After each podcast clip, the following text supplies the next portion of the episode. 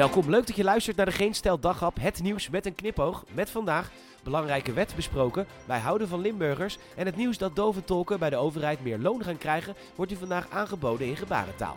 Mijn naam is Peter Bouwman. Dit is het nieuws van woensdag 13 april.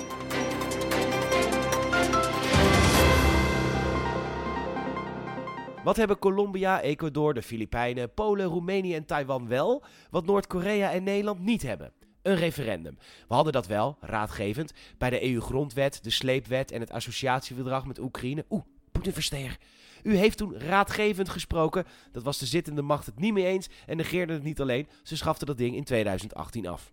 Nu is Renske Leijten van de SP aan de beurt met een voorstel voor een correctief referendum. Dan kan het volk dus het kabinet corrigeren. Maar daarvoor is een grondwetswijziging nodig. En dan moet je twee verkiezingen lang een tweederde meerderheid hebben in de Tweede Kamer. Het debat daarover is vanavond. De stemming is volgende week. Het referendum is nooit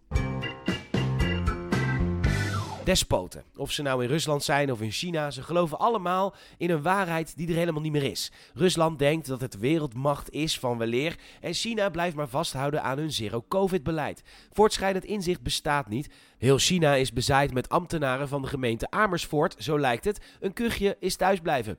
En in China's geval is dat maar goed ook, want ja, ook ik baal dat ik nog steeds geen PlayStation 5 heb, maar omdat al die Chinese steden nu een lockdown gaan vanwege een snotneus, wordt bij ons de benzine minder duur.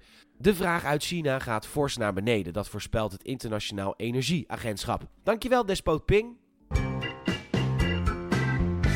Het gaat echt supergoed met het aantal verkeersdoden. Of ja, met hen zelf gaat het niet heel goed. Maar met het aantal, dat is laag.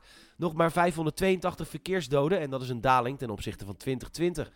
De meeste slachtoffers vallen met de fiets en steeds meer op de elektrische fiets. U weet wel, dat apparaat wat we eigenlijk helemaal geen fiets zouden mogen noemen. Je verbrandt in principe meer calorieën als je dood bent en die dingen gaan bovendien tering hard. Ik werd laatst, toen ik gewoon 50 reed, ingehaald door twee van die grijze snelheidspiloten met matchende kleding. En dus gaan steeds meer bejaarden dood door opgevoerde tweebewielde scootmobielen, zoals we ze eigenlijk zouden moeten noemen. En dus, zegt het Instituut voor Wetenschappelijk Onderzoek Verkeersveiligheid bij het AD, verplicht een helm voor iedereen van 60 jaar en ouder. Ik zou zelf voorstellen te beperken tot rijders van Harley Gezelletsens.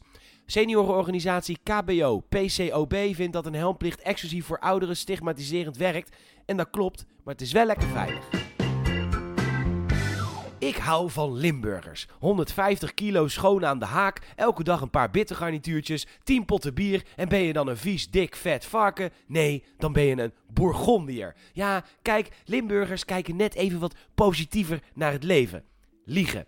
Maar nieuw bij Termen 2000 in Valkenburg, zij komen nu met de life hack van ons leven: wijnbaden. Badderen in wijn en het heet vinotherapie. Want in de schil van de blauwe druif zit een krachtig antioxidant. Uh Voor nog in 100 piek kun je lekker samen baden in wijn. Weet je hoeveel pakken wijn je daarvan kunt kopen? Nou, veel, maar niet genoeg om erin te baden hoor. De Limburgers hebben het weer voor elkaar. Heerlijk Bourgondisch baden in drank.